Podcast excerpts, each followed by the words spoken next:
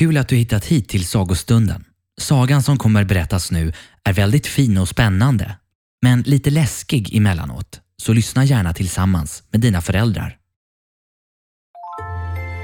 Hej och välkomna tillbaka. Det är Kapten Fjäder här.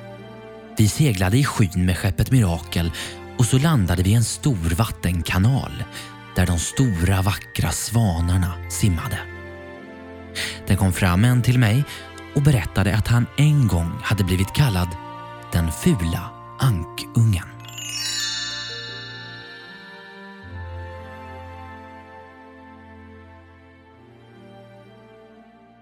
Det var så vackert ute på landet. Det var sommar.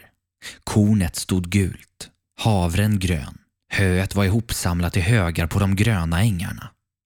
Där gick storken på sina långa röda ben och pratade egyptiska. Det språk han hade lärt sig av sin mor. Runt åkrarna och ängarna låg stora skogar och mitt i skogarna låg djupa sjöar. Ja, det var riktigt vackert där ute på landet. Mitt i solskenet låg en gammal herrgård med djupa kanaler runt omkring. Från muren och ner till vattnet växte stora kardborrblad. De var så höga att små barn kunde stå raka under de största. Därunder var det lika lugnt som i den djupaste skog. Där låg en anka på sina ägg och väntade på sina små ungar. Men nu hade hon börjat tröttna på det. Det hade tagit sån tid och hon fick sällan något besök. De andra ankorna tyckte mer om att simma omkring i kanalerna än att springa upp och sitta och prata med henne. Äntligen knakade det i det ena ägget efter det andra. Pip, pip, sa det. Och huvuden stack ut ur alla skalen. De små var nyfikna och tittade åt alla håll under de gröna bladen. Moden lät dem titta så mycket de ville. Grönt är bra för ögonen. Världen är så stor, sa alla ungarna. Nu kunde de röra sig mycket lättare än när de låg inuti ägget. Tror ni det här är hela världen? sa modern. Den sträcker sig långt på andra sidan trädgården, ända in i prästens ägor. Men där har jag aldrig varit. Är alla här? Ankmamman reste sig upp.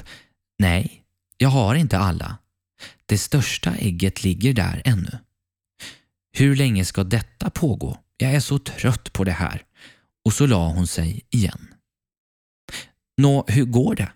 sa en gammal anka som kom och besökte dem. Det dröjde så länge med det ena ägget, sa ankan. Det vill inte bli färdigt. Men se de andra. Vackrare ankungar har jag aldrig sett. Det liknar allesammans sin far. Den eländige typen. Han kommer aldrig att besöka mig. Låt mig se det där ägget som inte vill kläckas, sa den gamle ankan. Du kan lita på mig. Det där är ett kalkonägg. Jag blev också lurad en gång. De där ungarna var min största sorg och bedrövelse. De är rädda för vatten. Hur jag än nappade och rappade så kunde jag inte få ut dem i vattnet. Inget hjälpte. Låt du det ligga och lär de andra barnen simma. Jag vill ändå ligga kvar lite längre på det, sa ankmamman. Har jag nu legat så länge så kan jag ligga den sista tiden med. Varsågod, sa den gamla ankan och gick sin väg. Och så äntligen så kläcktes det stora ägget. Pip, pip, sa ungen och rullade ut. Han var så stor och ful. Ankan såg på honom. Det var då en förskräckligt stor ankunge det här, sa hon. Ingen av de andra ser ju ut så. Det kan väl inte vara en kalkonunge? Nåja, det ska vi snart komma underfund med. I vattnet ska han, om jag så måste sparka ut honom. Följande dag var det utmärkt härligt väder. Ankmodern med hela sin familj kom fram ner vid kanalen. Splask lät det när hon sprang i vattnet. Rapp, rapp, sa hon och den ena ankungen efter den andra plumsade i. Vattnet slog över huvudet på dem, men de kom strax upp igen och flöt så bra. Benen gick av sig själva och alla var de med. Till och med den fula och grå ungen simmade.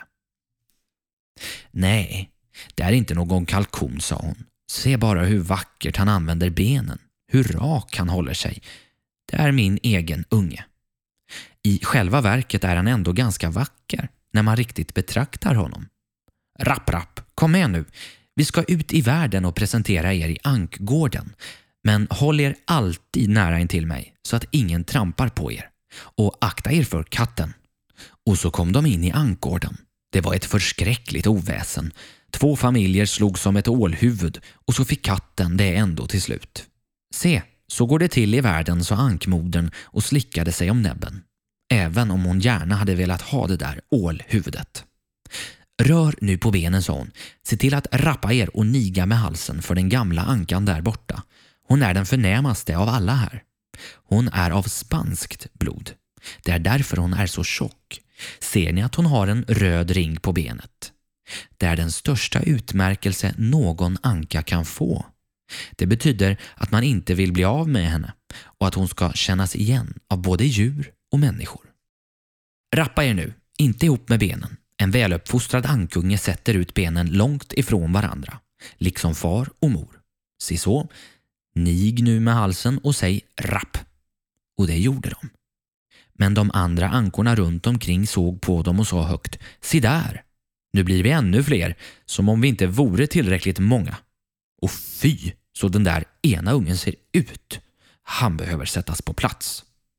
Och strax flög en anka fram och bet honom i nacken. Låt honom vara, sa modern. Han har ju inte gjort någonting. Ja, men han är för stor och ovanlig, sa ankan som hade bitit honom. Därför ska han näpsas. Det är vackra barn mor har, sa den gamla ankan med ringen om benet. Men det gäller inte alla. Den där, sa hon och pekade med vingen. Han, han är inte så lyckad.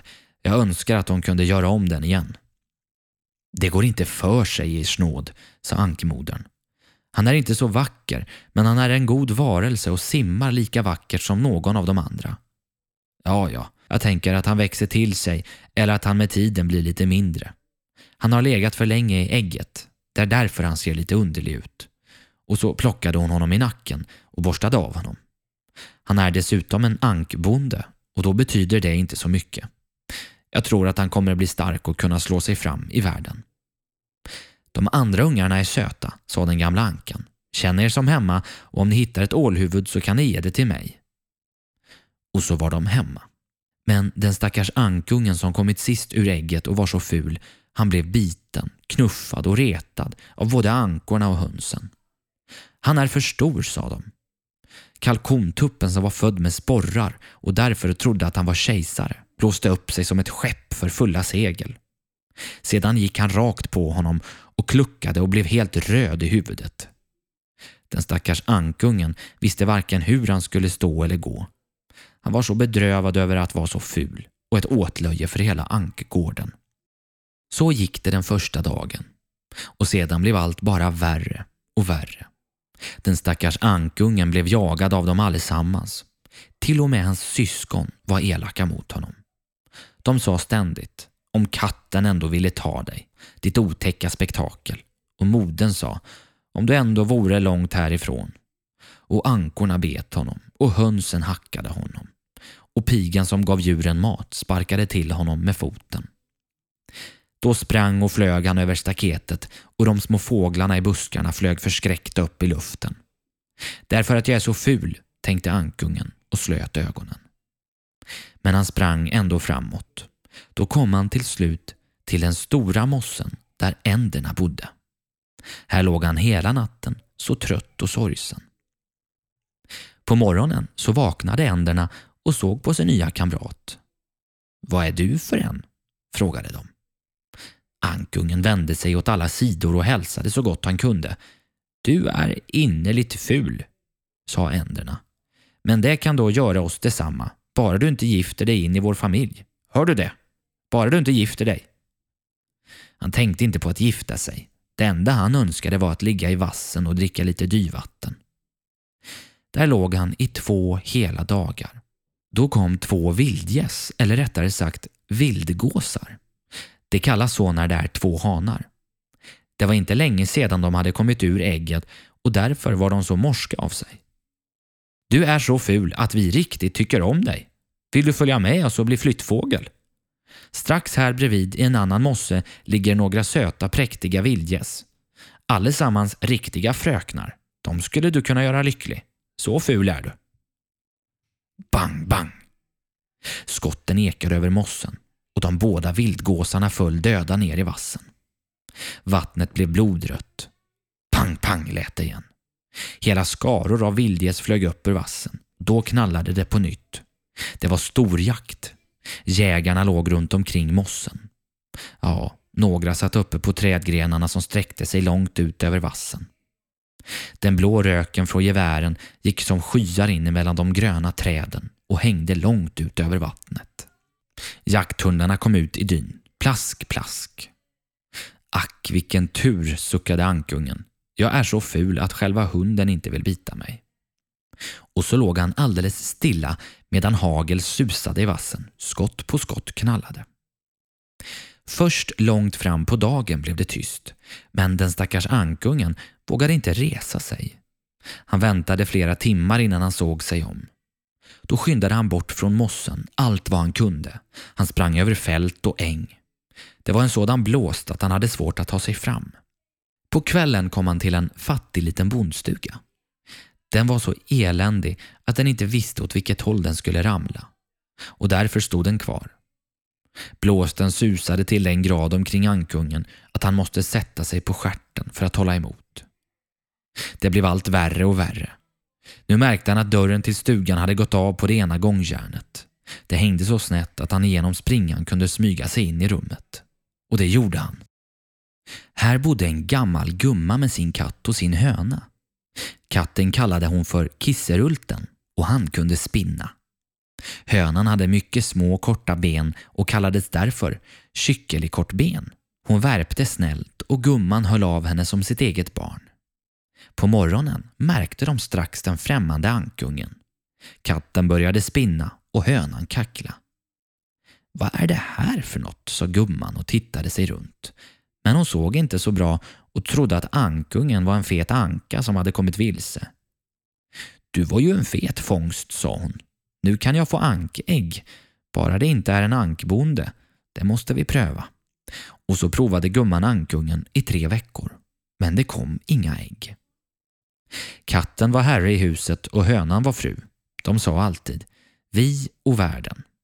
Eftersom de trodde att de utgjorde hälften av världen. Ankungen tyckte att man också kunde ha en annan åsikt, men det tålde inte hönan. Kan du lägga ägg? frågade hon. Nej. Nej, håll mun då. Och katten sa, kan du spinna? Nej. Ja, då ska du inte ha någon åsikt. Och ankungen satt i en vrå och var sur.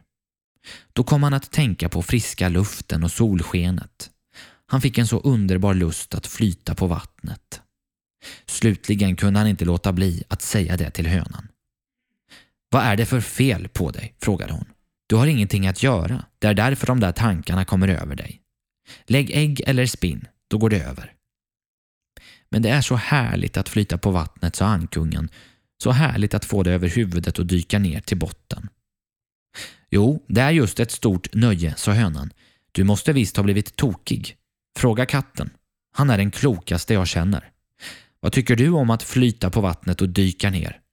Fråga självaste herrskapet. Den gamla gumman. Någon klokare än hon finns inte i världen. Tror du att hon har lust att flyta och få vatten över huvudet? Du förstår mig inte, sa ankungen. Ja, om vi inte förstår dig, vem skulle då förstå? Du kan väl inte vilja vara klokare än katten och gumman, för att inte tala om mig? Vad tror du egentligen? Tacka din skapare för allt det goda man gjort för dig. Har du inte kommit in i ett varmt rum och lärt känna oss? Är inte det något du kan lära något av? Men du är en stolle och det är inte roligt att umgås med dig. Jag tror att jag vill gå ut i vida världen, sa ankungen. Jag gör det du, sa hönan. Och så gick ankungen. Han flöt på vattnet och dykte ner till sjöbotten men alla djur såg ner på honom för hans fulhet. Det blev höst. Löven i skogen blev gula och bruna. Blåsten tog tag i dem så att de dansade omkring. Molnen hängde tunga med hagel och på gärdsgården satt korpen i kylan och skrek. Den stackars ankungen hade det verkligen inte lätt. En afton då solen gick ner och himlen badade i gula och röda färger då kom en hel flock stora vackra fåglar ut ur buskarna. Ankungen hade aldrig sett så vackra fåglar. De var alldeles skinande vita med långa smidiga halsar. Det var svanar. De utstötte ett helt underligt ljud, bredde ut sina präktiga långa vingar och flög bort från de kalla trakterna till varmare länder och öppna sjöar. De steg så högt, så högt och den fula lilla ankungen blev så underligt till mods.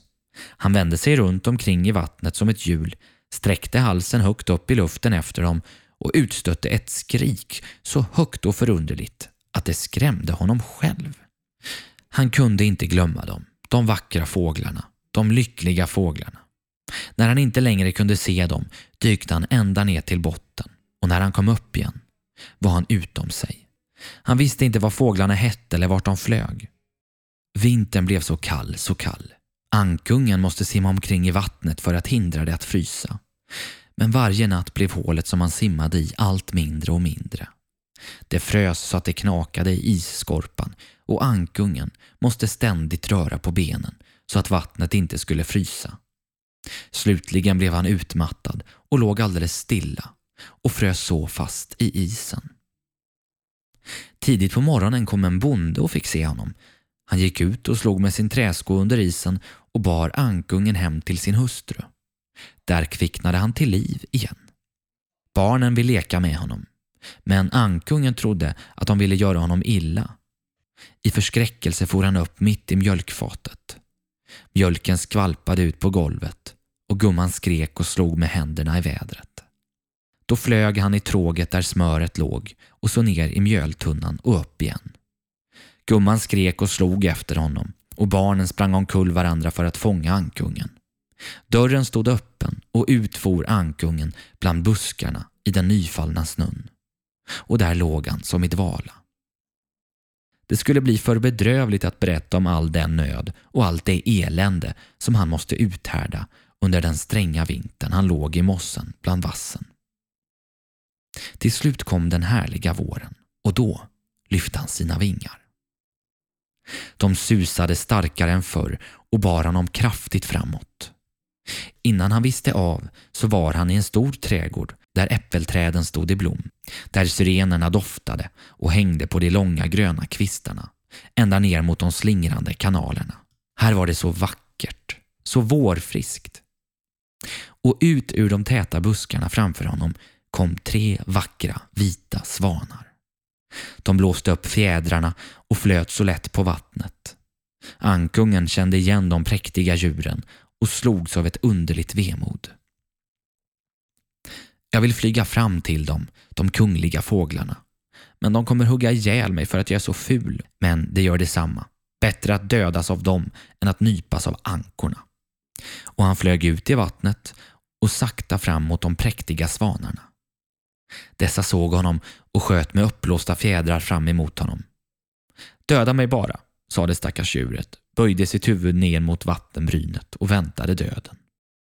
Men vad såg han i det klara vattnet? I sin egen spegelbild var han inte en längre och klumpig svartgrå fågel, ful och stygg, utan han själv var en svan. Det gör inget att vara född i ankgården om man bara legat i ett svanägg. Han kände sig riktigt glad över all den nöd och alla de vedervärdigheter han hade utstått.